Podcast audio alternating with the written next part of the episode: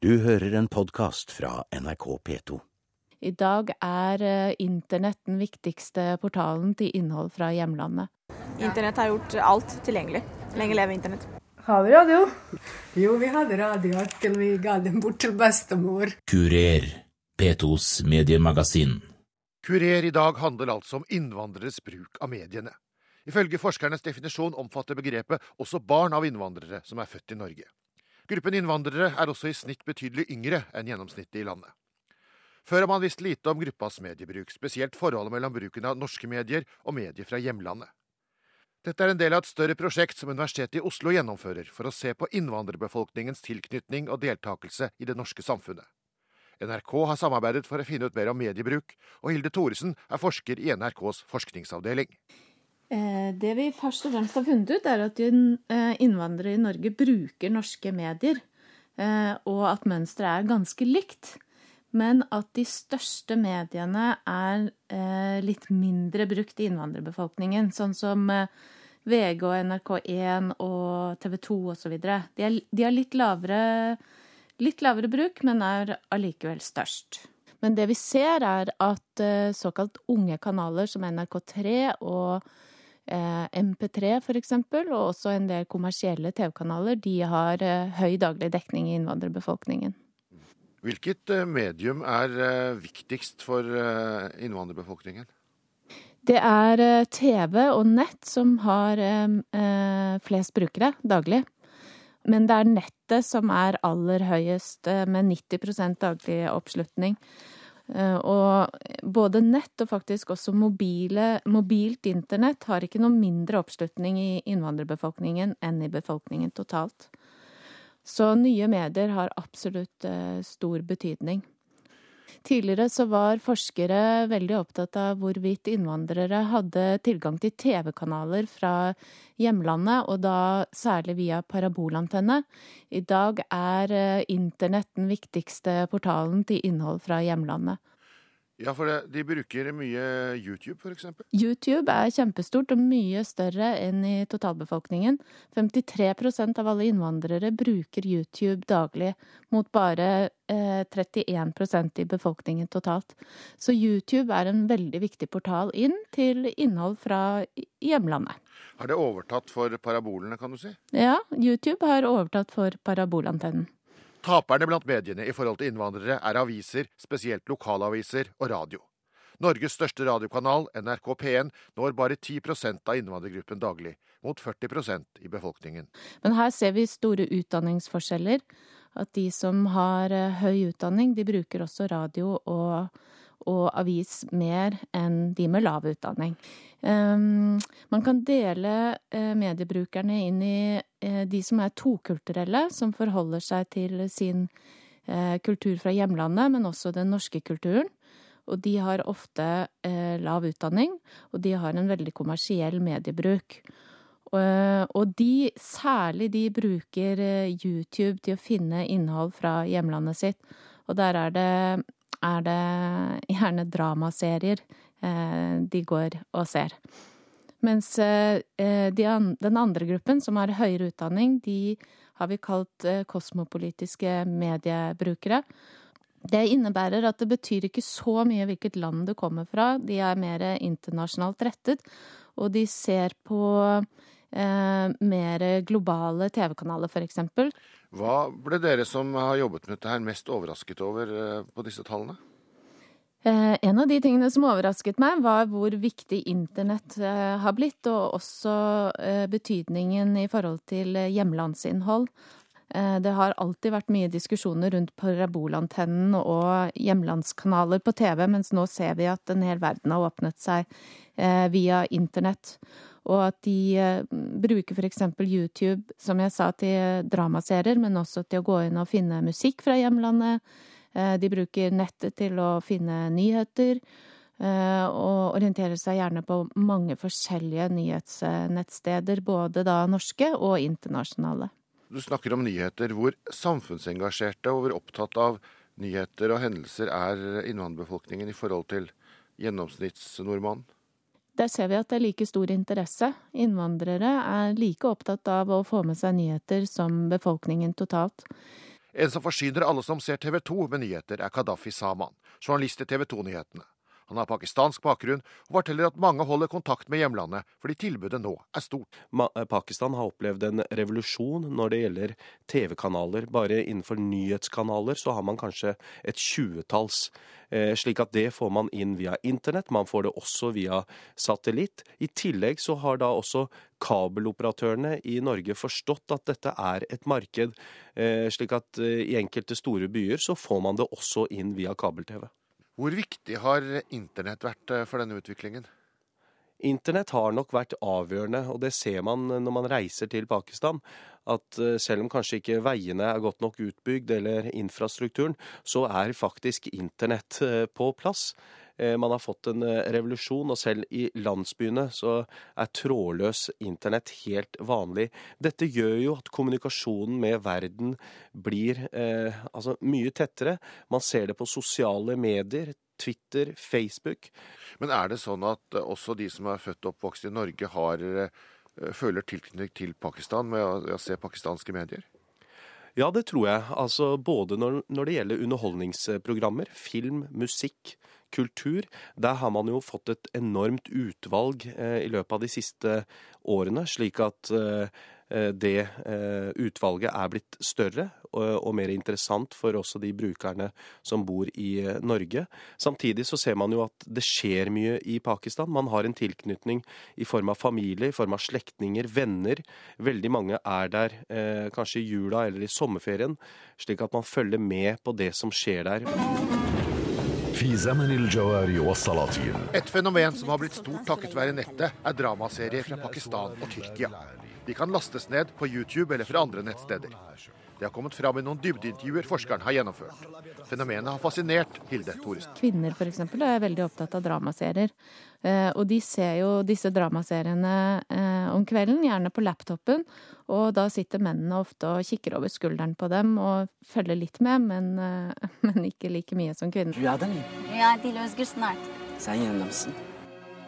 Det er veldig, det er veldig spennende serier, altså. Det var veldig forskjellige. En serie som heter Fatima, som er tyrkisk, men som nå går dubbet på arabisk TV. Den er ferdig i Tyrkia. Og den handler om en kvinne som er forlovet med, med en gutt, og så blir hun gjengvoldtatt. Og så blir hun tvunget til å gifte seg med han som da ikke voldtok henne, men som var til stede. Familien ønsker ikke at uh, saken skal føres for retten.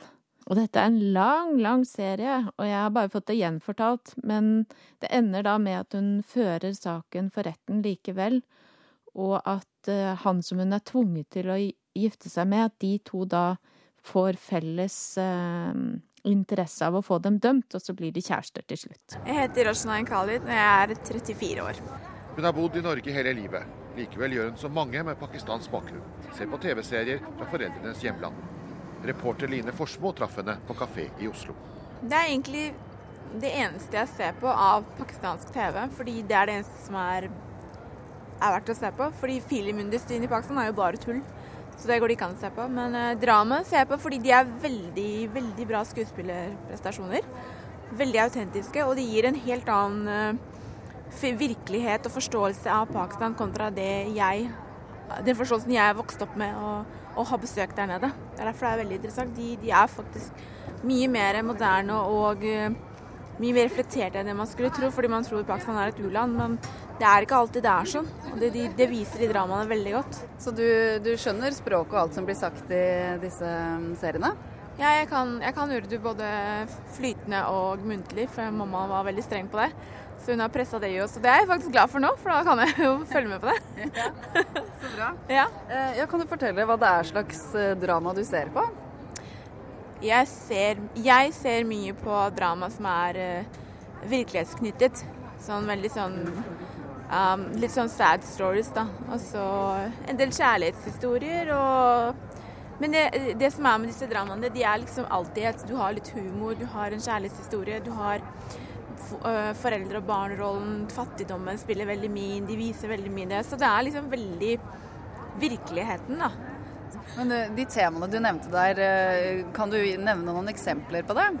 Ja, eksempel så var det en, en, um, en serie som jeg he- så som heter Råg, som var helt, eh, helt fantastisk.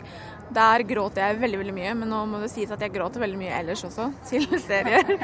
Men den tok opp eh, voldtekt av mindreårige, f.eks., og det, da fikk jeg bakoversveis, fordi klart det skjer, men ingen har jo noen gang snakket om det.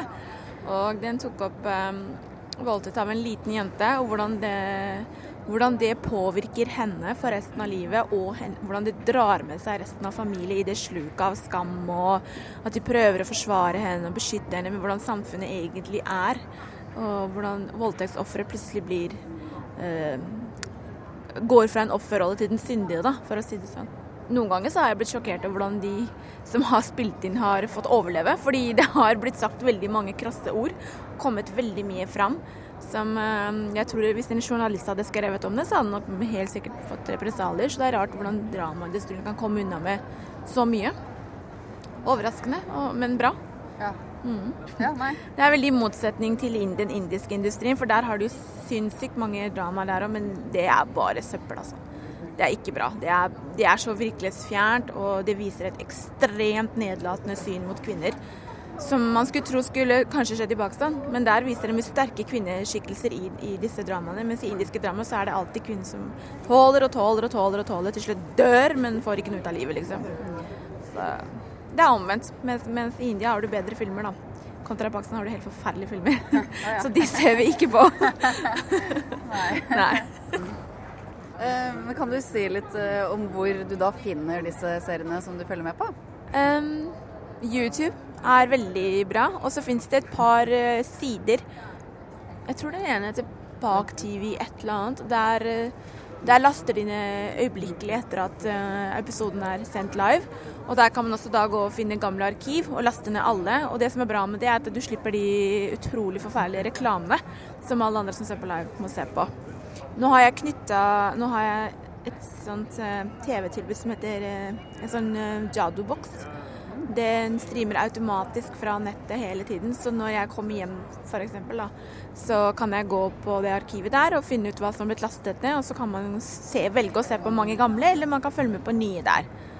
Ellers så, kan jo, ellers så finnes jo disse pakistanskkanalene også i, i Norge. Folk har det jo på parabol, og da kan man følge med live. Men det, det fins faktisk mange måter å se på de på. Internett har gjort alt tilgjengelig. Lenge leve internett. Der kommer det opp episode én, to, tre la, la, la, la. Så må du bare søke litt, da. Gjerne når du har f.eks. kommet deg inn på én og sett den, så vil den foreslå Oi, det kanskje litt høy. Sånn. Hvor du vil finne alle de andre episodene. Så det er veldig enkelt å, å finne episodene, faktisk. Ja. Mm. Tror du at dine barn også kommer til å se på pakistansk drama? Ja, det tror jeg faktisk. Nå er vi i min familie er veldig opptatt av at barna mine også skal lære å snakke urdu slik som vi gjør, så vi gjør jo det. Så de kan jo forhåpentligvis språket. Og de vet at vi ser på. Dette er jo på TV-en regelmessig, og de, de har et forhold til det allerede. Så jeg tror kanskje ja, at de kommer til å Hvis, hvis Pakistan fortsetter å levere kvalitetsfylte dramaer, så hvorfor ikke? Kurer, P2s mediemagasin. Et overraskende funn er hvor populært værnettstedet yr.no er blant innvandrere.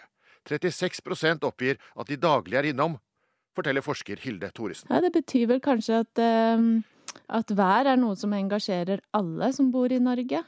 Eh, og vi ser også at eh, de nettstedene som er store i befolkningen, også har mange brukere blant innvandrerne.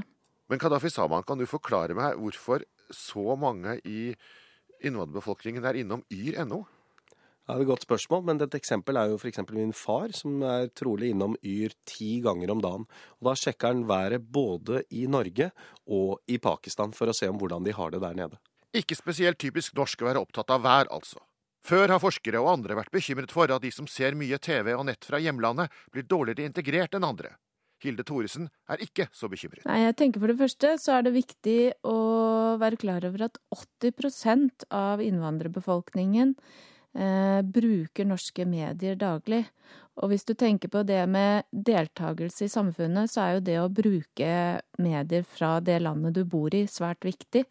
utvalget er også litt skjevt, for de som eh, er intervjuet, eh, har bodd her i gjennomsnitt i elleve år. Så det er klart at botid har også betydning for om du bruker eh, norske medier. Men det er ingenting her som tyder på at det å bruke hjemlandsinnhold står i motsetning til det å bruke også norske medier.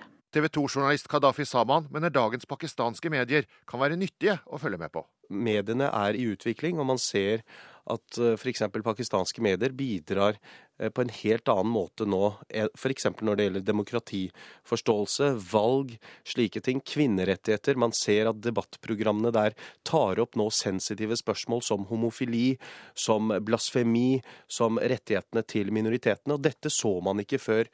Eh, mange av de som er født og oppvokst i Norge, sliter med å f.eks. lese og skrive urdu, slik at det er mye lettere for dem å forholde seg da til et medium som TV, hvor de da forstår det som blir sagt. Så jeg vil nok si at i enkelte kretser så vil det kanskje være tvert imot, at man vil se at eh, oi, disse temaene blir tatt opp eh, i Pakistan, eh, og da temaer som kanskje er litt mer tabu i lukkede kretser i Norge. De som kom til Norge, lever kanskje i en liten boble, spesielt første generasjon. Man forlot et jordbrukssamfunn på 70-tallet, eh, og den gang hadde man jo ikke de mediene, og i hvert fall ikke de kritiske røstene til staten. Slik at jeg tror nok at eh, for mange er det, er det et positivt bidrag. Hvor lenge tror du denne tilknytningen til Pakistan holder seg? Altså, Hvor mange generasjoner skal gå før, før det vil føles irrelevant? Nei, jeg tror nok at uh, i Norge så har man uh, en pakistansk uh, befolkning som kommer fra et konsentrert geografisk område i Pakistan. mange er gift i Pakistan. Mange gifter seg fortsatt i Pakistan. Det går to direktefly fra Oslo til Pakistan hver eneste uke. Eh, slik at jeg tror nok at det vil ta en generasjon eh, til eller to før den tilknytningen blir mindre. Men man ser jo allerede nå at det er klart at eh, første generasjon hadde i mange år et ønske om å flytte tilbake igjen. De trodde, og myndighetene trodde, at de var gjestearbeidere i Norge. Slik ble det ikke. Eh, man ser det nå på f.eks. stadig flere gravplasser som blir etablert i Norge, hvor man nå har forstått at dette er landet. Slik at man vil ha en kontakt med Pakistan i form av medier, i form av besøk, i form av ekteskap, men at den kontakten vil nok bli mindre og mindre ettersom botiden øker. Da var det bosnisk kaffe, altså. Akkurat den har en blanding av espresso italiensk Det bys på bosnisk kaffe og norske julekaker hjemme hos familien i Trondheim. Far, Sjelko Vicic, og mor, Tiana Gajic, er født i det som en gang var Jugoslavia, mens barna Tony og Thea, på 16 og 14, er født og vokst opp i Trondheim. Og det er ikke tvil om hvilken medieplattform som er viktigst for familien. Internett. ja, internett. På hvilken måte da? Jeg bruker veldig mye til å kommunisere med andre. Men uh, hva, med, hva, med, nettsider, aviser, YouTube og sånne ting? Altså, jeg, jeg bruker veldig mye tid på YouTube, og så lager jeg YouTube-videoer sjøl. Vil du si at du er på YouTube hver dag? Mm, flere timer hver dag, vil jeg si. Og mor, da? Nei, jeg leser avisen hver dag. Adresseavisa leser jeg daglig. Og jeg ser lite på TV, men det hender sånn ja, i hvert fall hver 15. dag ser jeg på TV. Det er kanskje sjeldent, men Er det da noe spesielt du ser på, eller? Ja, ser på nyheter. Jeg liker veldig godt både Schrodingens katt og Newton. Sånne programmer. Ute i naturen. Ja. Og Hjelp meg til å huske. Det var ett program vi så alle sammen, som vi syntes det var spennende. Det er sikkert ett år. Ja, den så vi også. Den store reisen. Den store reisen så vi alle sammen og fulgte spent. Det må være det eneste som vi har fulgt hele tiden. Fra første til siste episode. Og så så vi noen få episoder av Ingen grenser. Og Lillehammer. Så det ble, det ble, litt til slutt likevel, da? Ja, Lillehammer. Lillehammer har vi også sett noen episoder av. Mm. Mm. Men eh, hva med internettbruk, da? Ja, det bruker jeg daglig til alle mulige for formål. Nettaviser, da? Nettaviser ikke Ja, selvfølgelig så bruker jeg det, men ikke, ikke Jeg liker faktisk Jeg er såpass gammeldags at jeg liker å sette meg og bla i avisen. Så jeg abonnerer både på Adresseavisa, og jeg abonnerer på en bosnisk avis som i Norge også. Men følger du, har du noe, Bruker du nettet til å se bosnisk innhold? Ja, både bosnisk og norsk, men, men mer norsk og jeg leser også en del på engelsk på mm. nettet. Hva med far, da? Hvordan uh, bruker du uh, mediene? Altså, ved internett uh, ho hovedsakelig. Vi har kabel-TV, men det er for min del egentlig lese nettavis. nå har jeg oppdaget Al Jazeera har en bosnisk nett, nettsted som er ganske god, syns jeg. Eh, både videoklipp og mm, aktuelle artikler. Der også er det de norske nettavis som er innom daglig. Men hva med, hva med, bosniske filmer og serier og slikt som kan ligge på YouTube og sånn? Ser du noe på det? Altså, det er ganske dårlig kvalitet. Så det er ikke noe sånn eh, Ja, til nød så går det an å se, men det er ikke noe bra kvalitet på det. Det var en serie som vi, hør, eh, som vi så på Så det var en, kanskje til og med noen flere, men det var en serie som vi, vi likte godt. En bosnisk serie. Men sånn i det store og hele så ser vi lite på det. Og du, da? Er du Du ser kanskje ikke på noe bosnisk? Nei. Jeg sitter for det meste på Facebook og YouTube og egentlig mest sånn Jeg snakker med venner på Skype og, og leser aviser. Du leser aviser? Hvilke aviser da? NRK, VG, Adressa og litt sånn. På nett? Ja. Hvorfor, eh, kan du bosnisk? Ja. Med en liten grimase? Litt? Ja. Kan godt eller begge. Men vil du kunne lest en bosnisk avis, f.eks.? Med nød og neppe hvis jeg må. Hva med deg, da? Har du noe Du har jo bodd i Norge, men, har, men har du noe følelse av å være bosnisk også? Um, altså, vi snakker jo bosnisk hjem, så det er jo Ja, ikke Thea, da, men vi snakker Det som snakker bosnisk. Men jeg driver ikke og følger med på sånn veldig mye hva som skjer i Bosnia, eller sånn eh, media derfra, egentlig. Det er ikke noe som interesserer meg veldig mye. Jeg føler meg veldig sånn egentlig norsk, da. Og du, da? Ser du på noen bosniske jeg følger nok på nyheter fra både Bosnia og Norge, og jeg liker godt å se filmer fra Bosnia. Jeg prøver å følge med og lese både bøker og se på filmer. Det som er nytt, prøver jeg å få med meg. Men radio, da? Har vi radio? Nei. Jo, vi hadde radio til vi ga den bort til bestemor. Det er bare en måned siden vi ga den bort til bestemor, men det var ingen som brukte den noe særlig. Nei. Hva kommer det av, da? Jeg vet ikke.